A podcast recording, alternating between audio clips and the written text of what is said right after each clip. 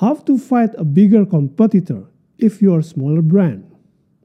How to snatch the consumers to gain market share.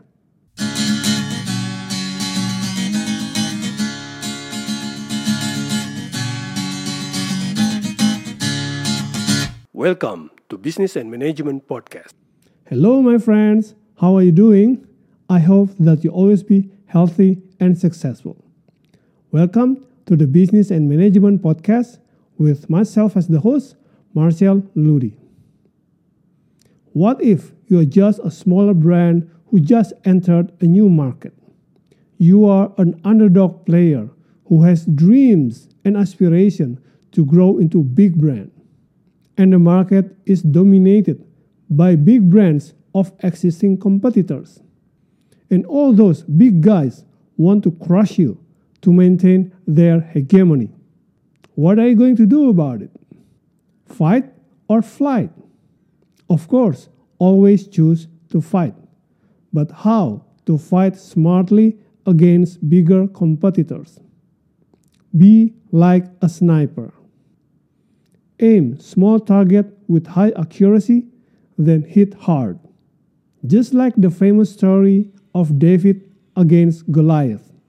How did David defeat Goliath? David did not challenge Goliath for a wrestling match. Goliath will be easily crush him because he is much bigger. Instead, David was really smart. He used his slingshot and shot Goliath from afar. He aimed small, and with high accuracy, he hit Goliath's forehead in just one shot, instantly killing him. The same is true in business situation. When facing a much bigger competitor, do not challenge them openly. Never let them use their full power to crush you. Instead, Find a weak point in your competitors. Identify their Achilles heel. Then, aim small with high accuracy, hit that weakness hard.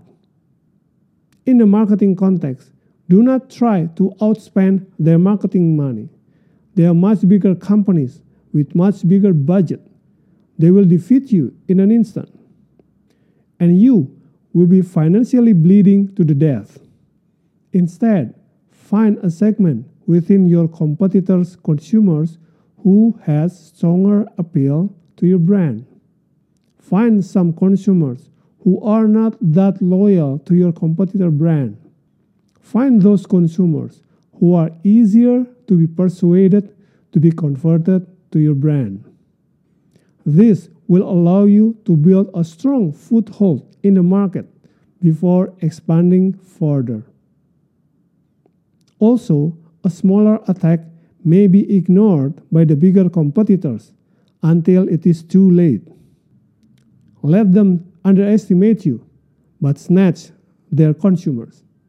Use your competitor's strength against themselves. Ask this question What would my competitors never do?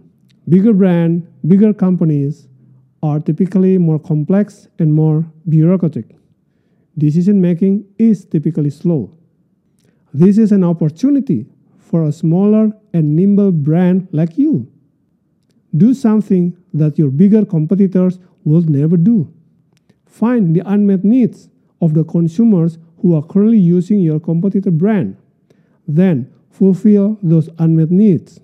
For example, a beauty shampoo brand will never have an anti dandruff variant because dandruff is not beauty, it's not elegant. This is an opportunity for you. You can launch a beauty and health shampoo brand with both beauty and anti dandruff benefits.